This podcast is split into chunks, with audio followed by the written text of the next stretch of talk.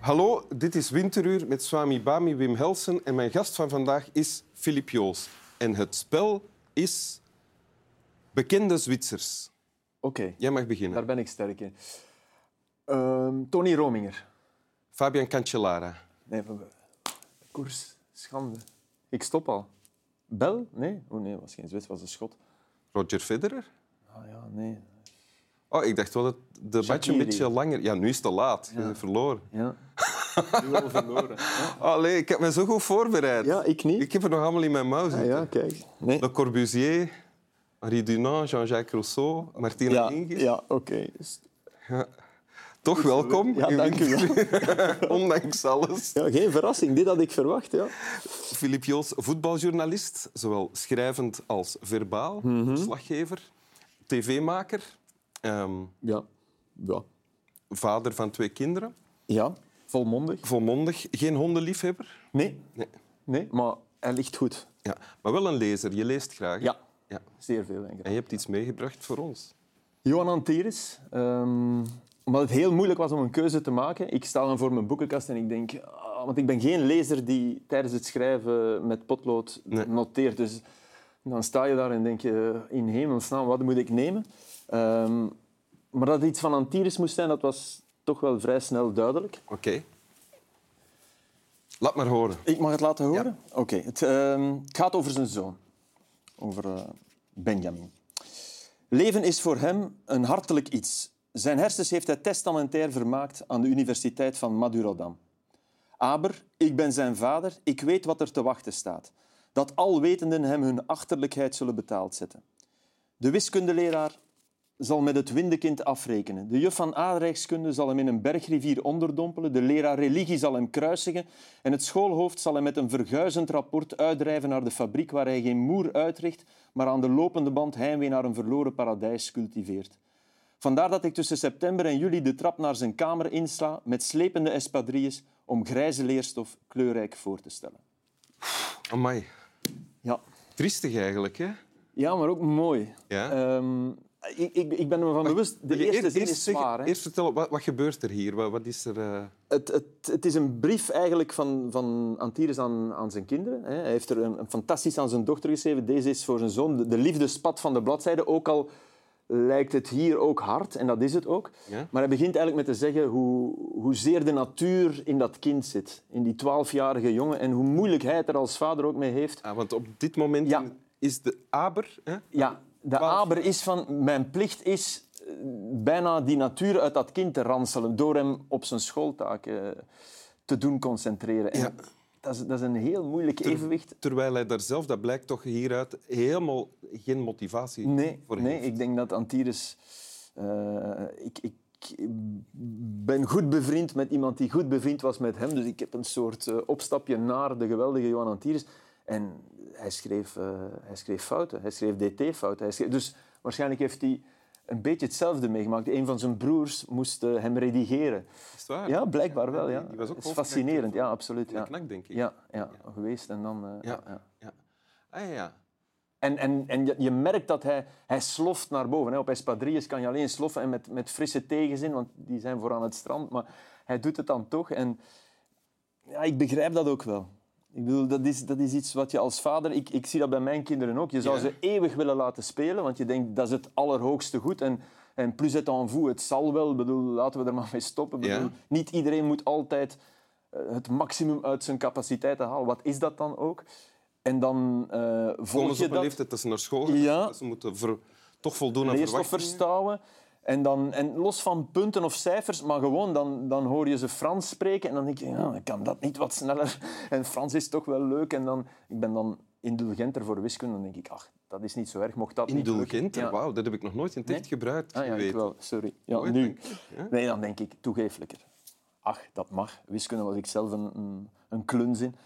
En taal, dan denk je, ja, maar dat is toch belangrijk. En als ze later... En dan zit je met dat later en dan denk je, ja...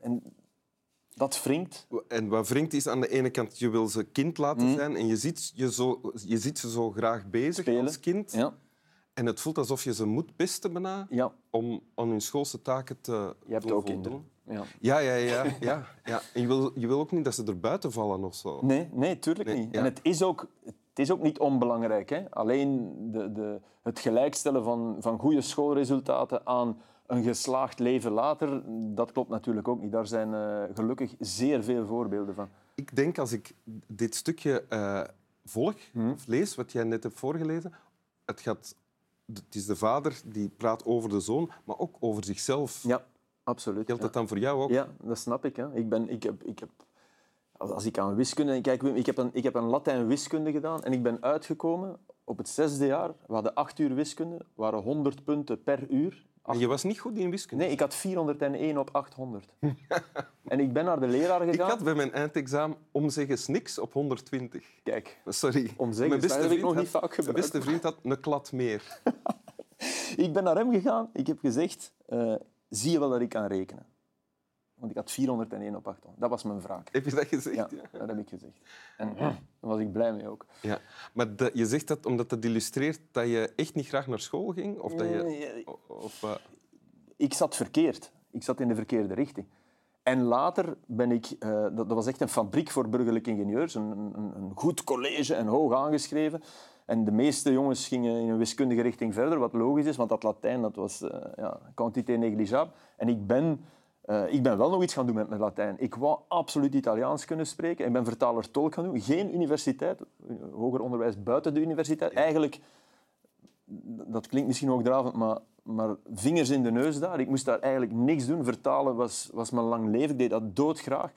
En ik ben daar tien keer gelukkiger geweest. En ik denk dat ik veel meer zelfvertrouwen heb opgedaan. Dus het relatieve in vooral plus et en vous heb ik daar zeer, zeer duidelijk aan de lijf ondervonden. En wil ik ook dat mijn kinderen aan de lijf ondervinden. Maar je, je- kent ze nog niet op, in die mate van ja, wat, wat is voor jou ideaal? ja.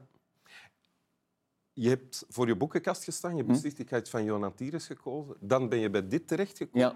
Hoe komt het dat dit zo belangrijk is dan? Eh, er zitten, de, dat is een fantastisch boek, hè, een bloemlezing. ehm, maar heel veel van die stukken, en dat, daar stoot je zelfs hier op eigenlijk, zijn te lang om, om hier ten berde te brengen. En dit vond ik wel, dit, dit vond ik bondig genoeg en tegelijk de typische Antires touch, hè, met woordspelingen, barok, alles wat zogezegd niet mag, want je moet karig schrijven. Nee, eh, ik ben Ja. zeer blij dat hij dat eh, principe niet huldigde. Ja, leven is voor hem een hartelijk iets. Zijn hersens heeft hij testamentair vermaakt aan de Universiteit van Madurodam. Daar moet al even over nadenken. Om... Ja. Eigenlijk staat er van, het is geen slimme. hè. Ja. Ja.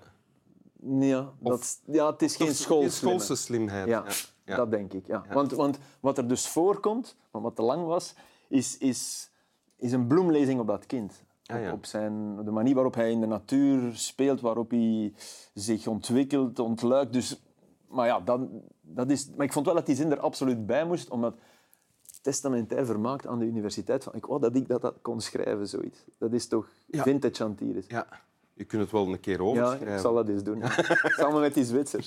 Ja. Oké, dat is goed. Wil je het nog eens voorlezen? Ja, graag. Wacht, ik had een bladzijde omgeslagen, denk ik. Nee. Leven ehm, is voor hem een hartelijk iets. Zijn hersens heeft hij testamentair vermaakt aan de Universiteit van Madurodam. Aber, ik ben zijn vader, ik weet wat er te wachten staat. Dat alwetenden hem hun achterlijkheid zullen betaald zetten.